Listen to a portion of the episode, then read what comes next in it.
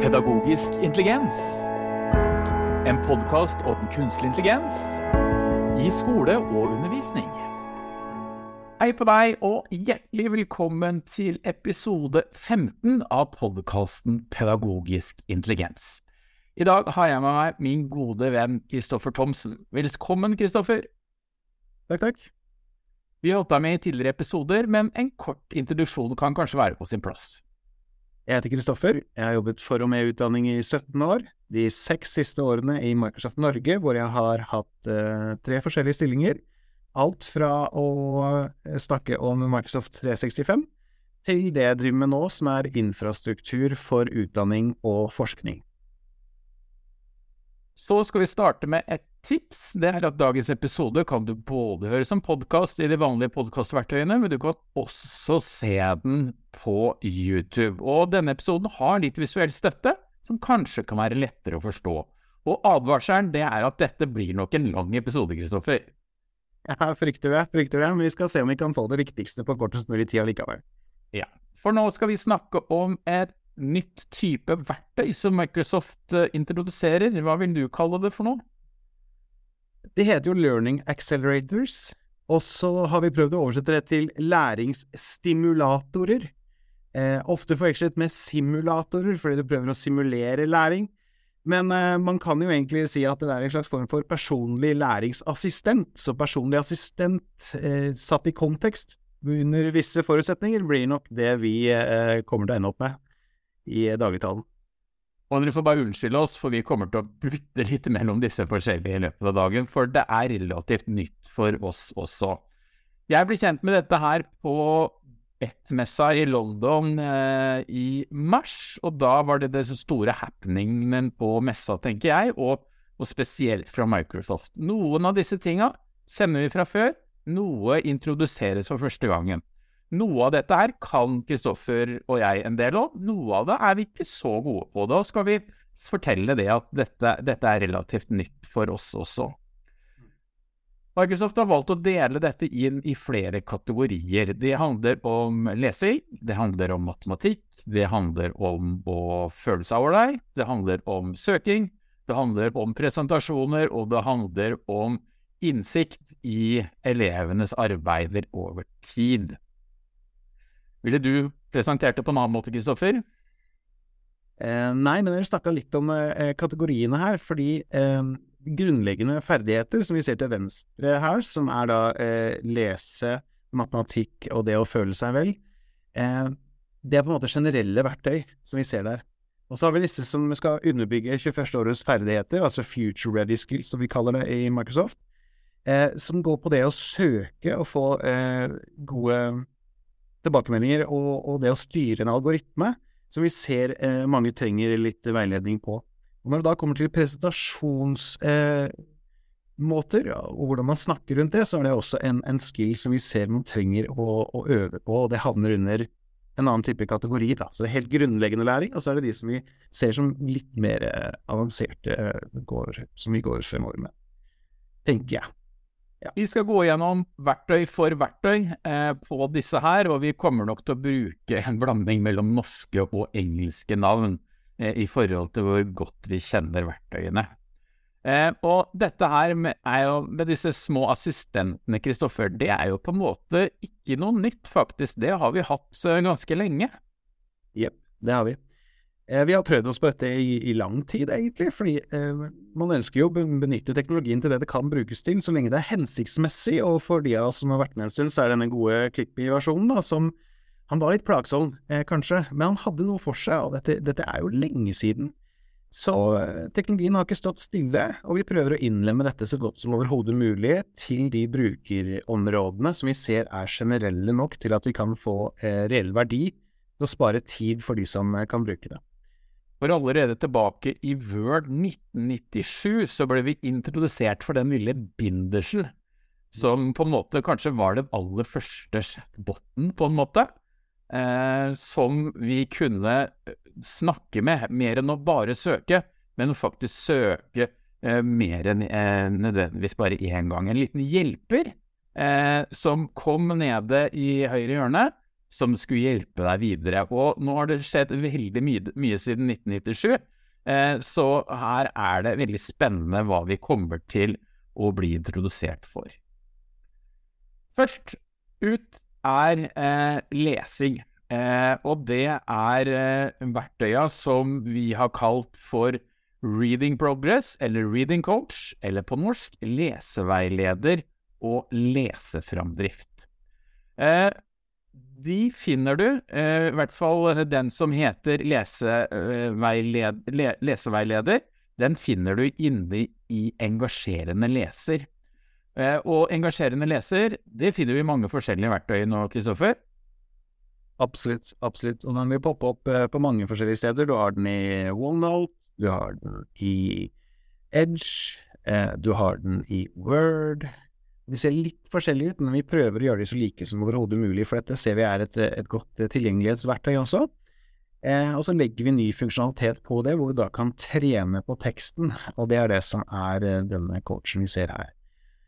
Så man trykker altså da på en knapp i det kjente og kjære eh, Learning Tools, eller engasjerende leserverktøyet, og så får du da muligheten til å trene eh, ved å gi tilgang til mikrofon osv., slik at man da kan bruke den teksten man, eh, man har. Som dyslektiker så er jeg jo veldig glad i engasjerende leser. Det er også et sted der du går inn og får lest opp teksten for deg. Eh, og det er det vi på en måte forbinder med engasjerende leser. Men nå, under verktøyet, under boka, så har vi fått en helt ny knapp nederst som heter Reading Coach. Eh, og hvis vi aktiverer den, så går den play-knappen som ofte står nederst på siden, som vi trykker på for å få engasjerende leser til å lese opp teksten den blir nå gjort om til en mikrofon. Og så trykker vi på den mikrofonen, og da kan eleven velge selv hvilken tekst den skal lese. Og så teller liksom maskinen ned 3, 2, 1, og så leser du inn det som står på skjermen. Maskinen gjør lydopptak av det som blir gjort. Og det som er spennende, etterpå så får du en rapport. Og den rapporten den forteller deg en del. Den forteller deg hvor lang tid du eh, brukte. Den forteller deg om hvor godt du leste, altså hva er prosenten i forhold til riktig lesing. Og det kan jo være en sånn automatisk tilbakemelding til eleven på hvor godt den har lest, hvis den bruker dette verktøyet flere ganger. Og den som er spennende å følge over tid, det er hvor mange ord man leser per minutt. Det er et kjent verktøy vi bruker for å kartlegge leseutvikling hos elever. Her får du eh, et antall ord som du har lest per minutt, og kan skrive ned og se om du har en utvikling. Og kanskje av det mest spennende, det er at den trekker fram fem ord som du har lest feil. Og de får du lov til å øve på. Så hvis du trykker på at du vil gå inn i et verktøy som heter Reading Coach, så får du opp de verktøya som du eh, de, Unnskyld, de orda du leste feil. Eh, og så får du lov til å dele inn det i eh, Du kan gå inn og dele det opp eh, og se ordet, og inni ordet så kan du få det lest opp. Eh, du kan dele det opp i eh, stavelser, og i enkelte tilfeller så kan du få visualisering. og du leser inn ordet, og så får du en tilbakemelding med en gang der og da om du har lest det riktig eller feil. Og da er det sånn type eh, en hurra, du klarte å lese ordet riktig, osv. Og, så videre. og så får du en, en, type rapport da når du er ferdig med eh, leseveileder, som vi kaller det på norsk, eller reading coach på engelsk. Men så er det, Kristoffer, for når dette eh, har du og jeg lagd en film om tidligere, så har vi også noe som heter lesefremdrift. Det første verktøyet det er jo noe læreren, eh, eleven gjør alene. Mens lesefremdrift, det er noe som måte læreren initierer i Teams. Det er korrekt. Det er korrekt. Eh, og når du sier eleven eller studenten eller personen eller fremmedspråkbrukeren eller hvem som helst kan egentlig øve på dette. Og uttale på engelsk eller fremmedspråk er noe som alle kan, så dette kan også bli brukt i voksenundervisning. Men når vi kommer til lesefremdrift, så putter vi det i en kontekst som er Teams, hvor du har et oppgaveverktøy, hvor du deler ut en oppgave. Eh, og det gjør at det, den eh, statistikken og det som skjer rundt der, eh, kan bli lagt inn eh, i Insights, slik at man kan få en, en, fremdrift på det. Det er derfor lesefremdrift kommer. Men vi burde dra oss inn i en kontekst hvor læreren er i førersetet, og man tildeler en oppgave. Der drar du fram et nytt ord, Kristoffer, som jeg er sikker på at mange ikke kan. Du nevner insight. Hva er det for noe? Innsikt, det er eh, data som sier noe om eh, hvor langt og hvordan eh, fremdriften, altså hvordan man leser over tid, det er eh, insights. Altså insights er egentlig datagrunnlag for å prøve å si noe fornuftig om det. Eh, og her er vi litt forsiktige med ikke gå for detaljert, men eh, gi en pekepinn på ting, som du også var inne på i stad, Magnus, med, med, ord per minutt, f.eks. Jeg syns jo dette er utrolig spennende verktøy, og, og, og, det vi må fortelle lytterne, da, det er jo at det er ikke alle kommuner eller fylkeskommuner eller institusjoner som har slått på dette her. Eh, det er fordi man er uenig om eh, personvern og GDPR. Eh, så hvis du kommer inn på din eh, racerframdrift, så er det ikke sikkert at alle disse kule tinga vi forteller om nå, er aktivert i din kommune ennå. Har du sånn anslag på ca. hvor mange som har slått på dette i Norge, Kristoffer? Nei, det har jeg ikke, men jeg vet at forutsetningene handler om, eh, om dette med gruppetilhørighet. Fordi en kommune eller en organisasjon må vite eh, hva en lærer, altså rollen en lærer rollen student, rollen elev, er for å, for å, få dette på plass. Og vi har verktøy for det som heter SDS, og det er teknisk og tjohei, og man kan kanskje integrere mot Feide og det gruppetilhørigheten som er der. Eh, men, men, det krever litt grann teknisk innsikt for å få det, eller teknisk kompetanse og gjøremåter for å få det til å flyte ordentlig godt. Og som du også nevner, man må jo ta høyde for om dette er noe som man vil bruke eller ikke, osv. Og hvis du har tilgang, da, så får du masse spennende data både på elevnivå og på klassenivå. Og det kan være f.eks. Eh, hvor korrekt man leser, om man leser riktig, eh, hvor mange ord man leser riktig per minutt f.eks. Eh, det kan være at man uthever ord som eleven eller klassen har problemer med å lese i den teksten som er valgt i dag. Og da får man opp en ordsky som på en måte viser eh, store representasjoner av de orda som kanskje vi må jobbe litt ekstra med i klasserommet, både med enkelteleven og klassen som helhet. Men det jeg personlig syns er mest spennende da, det er jo lesehastighet, altså ord per minutt. Mange kjenner sikkert Karlstens lesetest, som er brukt i norsk skole i mange, mange år der man på en måte måler utviklinga til eleven, og så ser man om man ligger over eller under gjennomsnittet. Og jeg som er veldig opptatt av å oppdage dysleksi tidlig, tenker jo dette er et veldig, veldig godt verktøy. For hvis du kartlegger lesinga til eleven over tid, og ser at det ikke er noe utvikling, så bør det eh, ringe noen varselsbjeller eh, i forhold til at her her er det en elev som ikke har samme progresjon som resten av klassen. Jeg vil også bare hoppe til et annet verktøy som jeg har vært borti, og det er jo en Explore, som er et verktøy som også bruker kunstig intelligens til å kartlegge leseutvikling. Forskjellen her er jo at eh, man også bruker en eye tracker som på en måte følger utvikling, altså hvor blikket er på skjermen når det utvikler seg. Så begge to spennende verktøy, men det viktigste i de to verktøyene, tenker jeg, det er jo det at man får kartlegge leseferdigheter over tid. Her må jeg skyte inn en ting, fordi eh, Lexplore, da, som er en partner av Microsoft, de ligger jo langt foran i å granulere teknologien til de behovene som er der ute. Altså, de, de nyanserer den generelle Microsoft-teknologien eh, i høyere grad. Eh, og det gjør at det, den, eh, det, blir rett og slett et bedre resultat, og du får mer innsikt, mer data, fordi de kan tracke andre ting, og fordi de legger dette oppå våre typer tjenester igjen.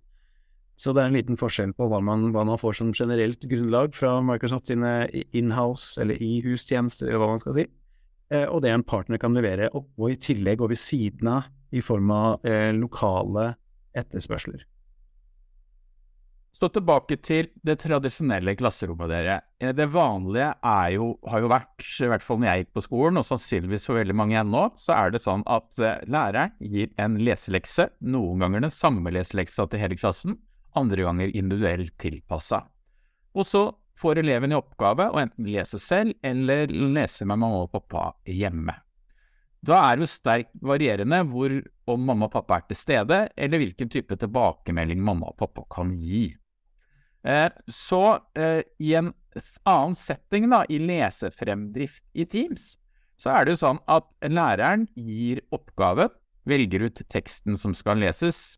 Eh, studenten leser inn leseleksa på video med lyd. Og læreren får da tilbake en rapport fra den kunstige intelligensen. der kan læreren velge å sensurere bort enkelte tilbakemeldinger. Kanskje det blir for massivt. For, eksempel, for en dyslektiker å få fremheva alle feila den har lest. Og så sender da eh, læreren en bearbeida versjon av det den kunstige intelligensen har kommet fram til, til eleven.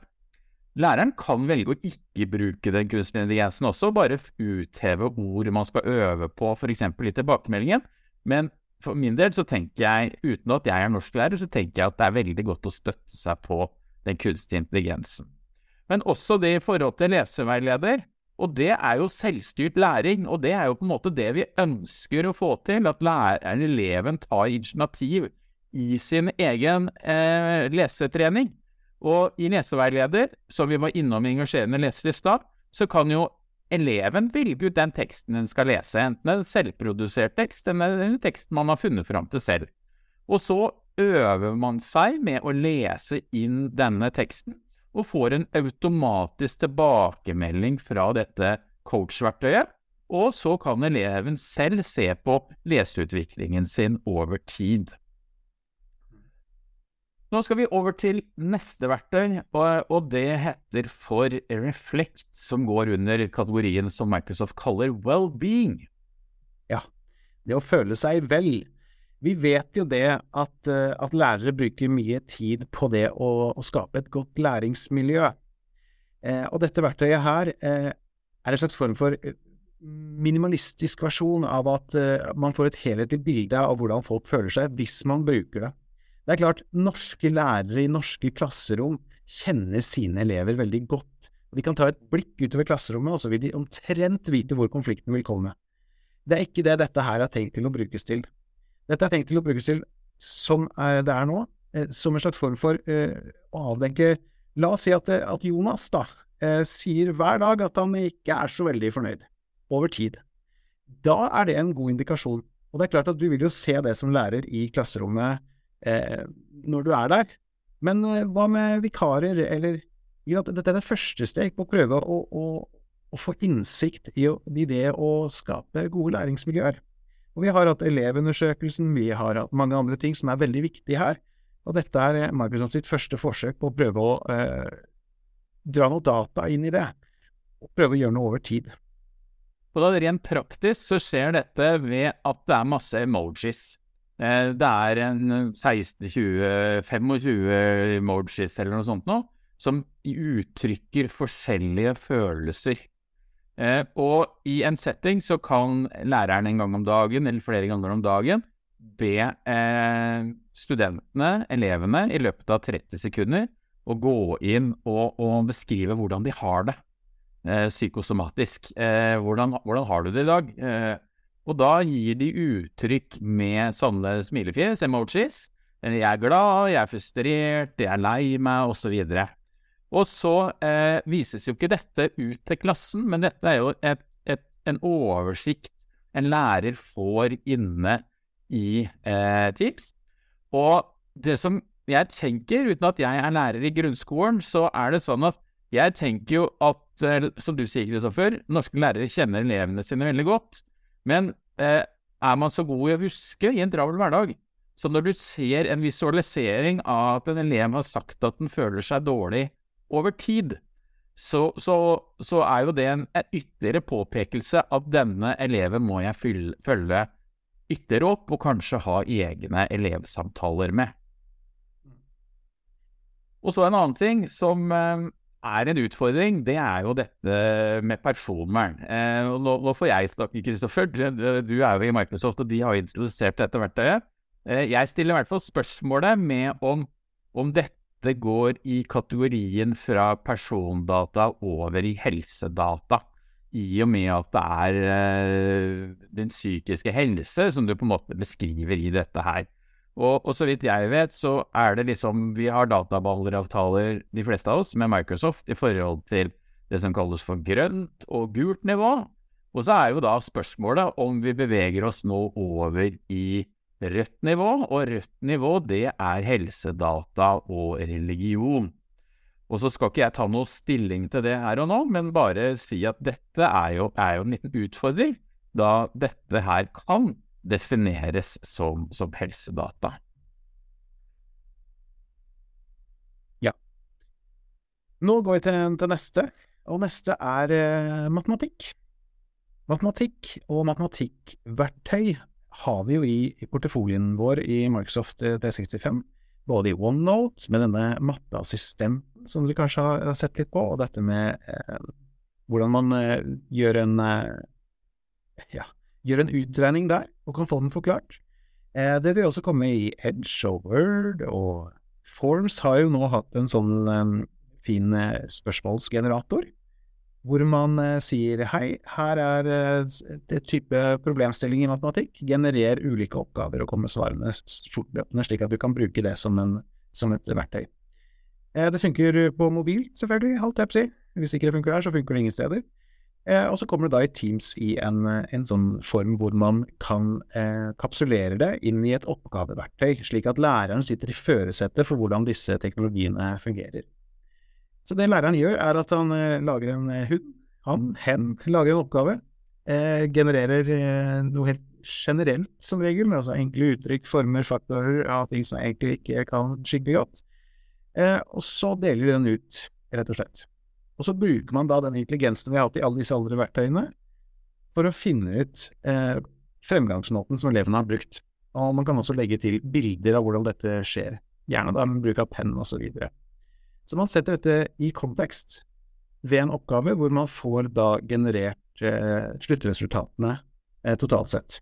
Og det er eh, math tools, math insect, math progress. Altså dette med ord er veldig, veldig vanskelig assistenten for matematikk, grunnleggende matematikk, som skal ta noe av det.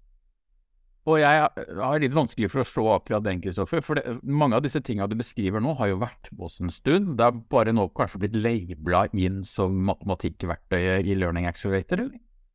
På en måte. Det er jo de samme teknologiene som vi har hatt eh, i OneNote lenge. Den som forklarer eh, diagrammer og setter knutepunkter for hvor X er, og, og, og deler opp regnestykkene så, så, setter vi en ramme på det, som er oppgaveverktøyet i Teams, eh, som tar fordring av, av, dette med roller. Altså lærer og studenter.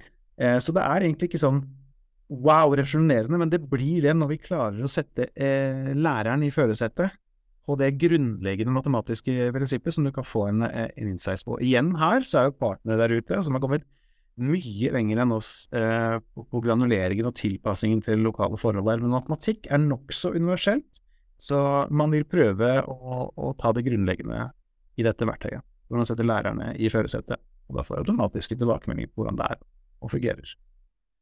Så over til neste verktøy, og det heter for Speaker Progress og Speaker Coach. Og en liten disclaimer her. Eh, dette er kjempespennende men det er ikke tilgjengelig på norsk ennå, Kristoffer? Nei, eh, det har jo seg slik at vi må utvikle ting der det er mest eh, data, og hvor vi kan gjøre det best mulig først. Eh, og engelsk snakkes mer enn norsk her nå. Men det er de samme tingene som gjelder. altså Hvis man prøver å prate på engelsk, så bruker man ikke fyllord, man snakker ikke for fort og alle disse tingene. Så det vil nok komme i løpet av eh, hva skal man si, kort tid, overskuelig fremtid. Helt umulig for meg å si noe om, men det er helt klart at vi har eh, et datagrunnlag der som, eh, som kan bli brukt på norsk også. Speakercoach har man, man kan få tilgang til det hvis man setter språket i Microsoft Office eller Microsoft 365 til engelsk. så virker det hvis man holder en presentasjon på engelsk eller spansk, hvis man velger spansk da, f.eks. Så de store språka har hatt dette her i nesten tre år, og vi får krysse fingrene og håpe på at dette snart kommer til Norge.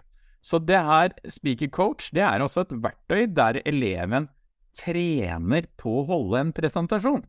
Eh, og vi skal komme tilbake til resultatene ut av Speaker Coach eh, om et lite øyeblikk. Men først skal vi snakke om det nye som heter Speaker Progress. Det er på en måte at læreren gir oppgaver som elevene skal trene seg på i, eh, i Teams. Og det vil jo arte seg sånn da, at uh, læreren den går i oppgaveverktøyet i Teams, eh, og så legger den til en presentasjon som studenten, eleven, skal bruke eh, i å øve seg på å presentere. Og så kommer det som er veldig, veldig spennende, fordi at da legger man til eh, verktøyet Speaker Progress. Og, og Eh, det kommer opp akkurat som på at du kan legge til eh, OneDrive-filer og klassenotatbøker osv. Dessverre så er ikke Speaker Progress tilgjengelig på norsk ennå, men vi håper det kommer om ikke altfor lenge. Eh, og da, da, er det litt forskjellige måter man kan trene, Kristoffer, og så gi oppgavene på. Hmm. Eh, og dette handler litt om, om, når du skal holde en eh, forelesning eller snakke om noe, så har du av og til lyst til at de skal snakke om noe som de er interessert i. Og her får læreren muligheten til å si hei, du kan ha din egen prestasjon om et eller annet. For det er ikke egentlig viktig for meg hva du snakker om, det er hvordan du snakker og hvordan du presenterer og legger det fram. Eh, eller så kan du bestemme hva de skal prate om. Da gjør du det egentlig litt vanskeligere, for da sier du hei, her er en pitch, her er, er, her er historien som du skal eh, presentere, et eventyr eller et eller annet om Henrik Ibsen eller et eller annet du forelegger, eh, og se hvordan de da takler det når de kanskje ikke har det personlige engasjementet eh, på plass. Eller eh, så tar du den helt åpne versjonen, hvor du egentlig lar det flyte løst, rett og slett. Så du har en måte å eh, nyansere vanskelighetsgraden i form av eh, hvor motivasjonen og kunnskapsnivået ligger. Fordi hvis du sa til meg at jeg skulle holde en prestasjon om et eller annet jeg ikke kan, Eh, så blir det nok mye vanskeligere enn med hadde en prestasjon hvor jeg faktisk kan veldig mye. Eh, og bare det i seg selv kan, eh, kan, gi store utslag på hvordan man holder en prestasjon, og hvordan man prater om det, og hvilken komfortabelt nivå man har, osv. Og da kan man til en viss grad tune hvilke ting man ønsker tilbakemelding på, men da får man, kan, læreren kan, hvis han har på default, så kan den få f.eks. mange ord per minutt. Hvor mange fyllord har man? Hvordan er uttalemønsteret osv. Det er mange forskjellige muligheter man har, men man kan velge eventuelt hva man vil ha med. Og så eh, kommer vi til eleven, studenten, da. Eh, og hvordan skjer jo dette for studenten? Jo, da får jo eh, studenten, eleven, den får eh, en oppgave utsendt i oppgaveverktøyet, eh, og de åpner da denne presentasjonen. Man kan velge om å ha på kamera eller bare lyd, men det vanlige er å ha på kamera. Så da går eleven inn, eh, får åpnet presentasjonen og trykker på, eh, åpne, og trykker på record for å ta opp dette her. Og da teller maskinen ned sånn 3, 2, 1, og så eh, øver studentene seg på å holde denne presentasjonen. Og trykker fra lysbilde til lysbilde og sier de tinga som den eh, skal fortelle om. Den vil få opp en indikator på skjermen om man snakker for fort eller for sakte i sanntid. Eh, og når man er ferdig, så trykker man på ferdig, og så trykker man på neste. Og da vil eleven få opp en statistikk. Den får vite hvor, mange, hvor lang tid den brukte, hvor mange lysbilder det var i presentasjonen, hvor mange ord man snakket per minutt. Og, og det som jeg syns er ekstra spennende, det er jo dette her med fyllorda. Denne berømte æ, ø, æ, ja. Det er vanskelig, så vi skal på en måte prøve å filtrere bort. Eh, og her eh, kan man få rapporter som forteller hvor mange ganger brukte du fyllord, hvor mange ganger så uttalte du ordet feil, hvor mange ganger mista du hastigheten på da du snakka om. Og så får du vite om uttalepitchen, altså uttalemønsteret, eh, og og hvordan du på en måte jobba med kroppsspråk og eh, sånne forskjellige ting. Så det er mye spennende som den kunstige intelligensen da faktisk gir tilbakemelding på. Og Denne tilbakemeldinga kan studenten se selv, men den blir jo da selvfølgelig også etter man har sett denne rapporten, så leverer man inn denne oppgaven som alle andre oppgaver i Teams. Og så kommer jo den da tilbake til læreren igjen. Eh, og læreren den får se akkurat den samme rapporten eh, som eleven fikk se, eh, med hvordan det er med fyllord, hastighet og uttalefeil osv. Mens eh, læreren Kristoffer, den får også en litt mer utfyllende statistikk. Ja. hun får muligheten til å se dette eh, perspektivet over tid. Eh, man får også mulighet til å se hvor mange ganger man øvde hvis studenten øver i Teams. Men det som kommer til å skje, og som er en helt eh, forutsetning for at det skal funke, er at man kan ta den samme oppgaven, og så kan man øve på egen hånd i denne, ikke coachen, men det andre verktøyet som er i, i PowerPoint, for eksempel. Og da kan man øve seg på å bli bedre på å presentere, snakke tydeligere, riktigere på det emnet, og så gjør man det i Teams under de, de forutsetningene som læreren har, har sagt. Så det er, det er mye spennende data i insights hvis det er slått på i ettertid, hvis man bruker dette over tid. Det er korrekt. Det er korrekt. En lærer vil få tilgang til eh, insights, altså datagrunnlaget og, og progresjon av disse tingene, og de tre grunnleggende premissene som ligger i disse verktøyene, eh, over sine eh, studenter og elever. Spennende, spennende verktøy, men altså ennå ikke tilgjengelig på det norske språk, men du kan gjøre om språket til andre store verdensspråk, og vil få funksjonaliteten til å fungere i diverse språkundervisning. Det neste vi skal snakke om, det er Search Progress og Search Coach. Eh, og Ved inngangen til dette året så hadde Google 92% av søkemarkedet i verden. Er det bare for å søke, kapre nye søkere over til Microsofts søkemotorer at dette her er introdusert, Kristoffer? Nei. Dette her handler egentlig om uh, kritisk tankegang. Det handler om at hvis du spør en ungdomsskoleelev i dag om å utføre en oppgave, så går de og så googler de en gang, eller så går de på Yahoo, eller så går de på en eller annen Bing nettsted, et eller annet, og så søker de. Men sannheten er at eh, det er veldig stor forskjell på om man søker godt eller om man søker dårlig.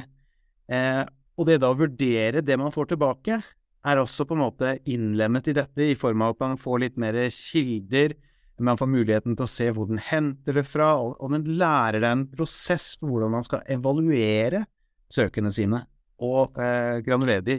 Egentlig så kan vi si at, at den trener deg på å styre algoritmene i høyere grad enn det vi har vært vant til før, noe som er ekstremt viktig i den tiden som vi går fremover mot. Absolutt. Så la oss gå litt i dybden i hva, hva, dette verktøyet er. Det er jo denne standard søkeruta som vi er vane med fra Google og Bing og andre verktøy. Men det som skiller seg ut her, er at du får søketips. Altså, han gir deg opplæring i søket ditt som skal eh, hjelpe deg å forbedre søket inn i framtida. Og så har læreren en del type verktøy her, eh, som f.eks. kan styre hvilke domener man, man, får lov til å søke fra, i forhold til at man kanskje vil kontrollere en viss eh, informasjonsstrøm inn til elevene, kanskje avhengig av tema og alder. Så man kan velge ut hvilke domener man kan bruke. Man kan også gå inn og styre eh, og, og, få se på Unnskyld, vi kan få se på hvor eh, valid de forskjellige søkene er, med at man bruker noe som heter NewsGuard, som er på en måte et verktøy i forhold til fake news som brukes i USA, jeg har ikke prøvd det så mye på norsk selv ennå, men, men, det er på en måte et, en sånn uh, fake news detector i forhold til uh, Forteller ofte dette nettstedet tull, eller er det til å stole på? Så uh, har vi også en annen mulighet. Det er jo å styre i forhold til land. Så for eksempel, i stedet for å ha alle verdens land, så kan vi velge at den bare for eksempel skal søke på, på .com og .no, for eksempel, i forhold til domener. En annen ting vi kan velge, det er jo at vi skal begrense hvilke filtyper som eh, elevene får tilgang til i sine søk. For eksempel skal de få tilgang til PDF-er, skal de få tilgang til PowerPoint-presentasjoner, skal de få tilgang til Word-filer osv. Jeg kan jo velge om, om, du ønsker å filtrere dette i forhold til elevenes treff. Og en annen spennende ting, det er jo i forhold til eh, hvor ferskt skal dette søket være. Dette som er dato, datosøk i virkeligheten. Eh, her er det gjort ganske mye enklere, at man f.eks. søker etter nyheter de siste 24 timene, eller den siste uka, den siste måneden osv., i forhold til de litt mer avanserte valgene man må gjøre i andre søkeverktøy. Og så eh, har de også noe som heter eh, operators, eh, og det er egentlig en, en, opplæring i søk. Jeg er vanlig med å kalle dette for bolske uttrykk, Kristoffer. Eller operatorer. Logikk. Eller operatorer. Eh, vi lærte dette med end or not, eh, else, og, og, dette med å sette ting i parentes. Så dette er egentlig en, en, en god, tradisjonell opplæring for elevene i forhold til å bruke operatorer i, i, søket for å få mer relevante treff. Nå har vi snakka veldig mye, Kristoffer, eh, og vi har også snakket om insights tidligere i dag. Men eh, ta en liten eh, oppsummering og fortell oss litt om insight og forskjellen på insight og insight premium. Ja. Det er jo slik at eh, dette med å få denne innsikten og få det datagrunnlaget for å se ting over tid, er noe som en, en lærer vil få. Det er Education Insights. Og så har vi også muligheten for organisasjoner til til å dra mer aggregert data etter eh, de reglene som måtte eksistere innenfor organisasjoner og land osv., og, og det vil være en betalt tjeneste. Eh, og når vi har, eh, ser dette i kontekst, så er det også slik at eh, vi har eh, andre typer muligheter for å dra innsikten videre. Typisk har vi mange partnere som, som, drar dette som vi bruker i Microsoft Graph, som er den underliggende teknologien for hvordan dette fungerer, og så kan du trekke det ut i eh, ulike skytjenester og sette sammen dataen med både SSB og forskjellige datagrunnlag fra UDIR, og alt det som skal deles. Og dette har vi partnere som er spesialisert på. Det er også store, store universiteter og instanser som kan gjøre dette eh, mer verdifullt enn det vi gjør innenfor vår generelle plattform eh, for dette. Det er veldig spennende. Da skal vi gå inn for landing i denne episoden. Eh, det vi har snakket om, er altså Små personlige assistenter, learning accelerators. Kristoffer, eh, dette er jo de første som Microsoft introduserer. Vi er vel ganske sikre på at det kommer flere innenfor denne porteføljen etter hvert? Ja, det, det må man eh, på en måte tro. Eh, for jeg tror at dette har eh, er en god tidsbesparende teknologi. Som kan brukes i mange, mange settinger, og jeg håper at det blir verdifullt for de som har tenkt å bruke det. Nå er det jo sånn at det diskuteres eh, om det må være nye vurderinger av eh, databehandleravtaler osv. Så når sånne verktøy kommer inn. Eh, jeg skal la den diskusjonen ligge død akkurat her. Men jeg tror dette er, er en veldig bra greie. Jeg er ganske sikker på personlig at alle elever, når de kommer ut i arbeidslivet, at de vil ha personlige assistenter som er kunstig intelligens for resten av livet.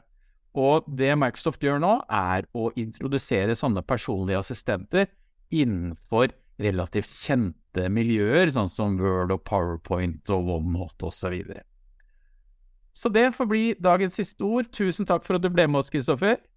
Bare hyggelig. Lykke til, og jeg anbefaler deg å gå ut og prøve disse tinga. En god del av det er tilgjengelig allerede.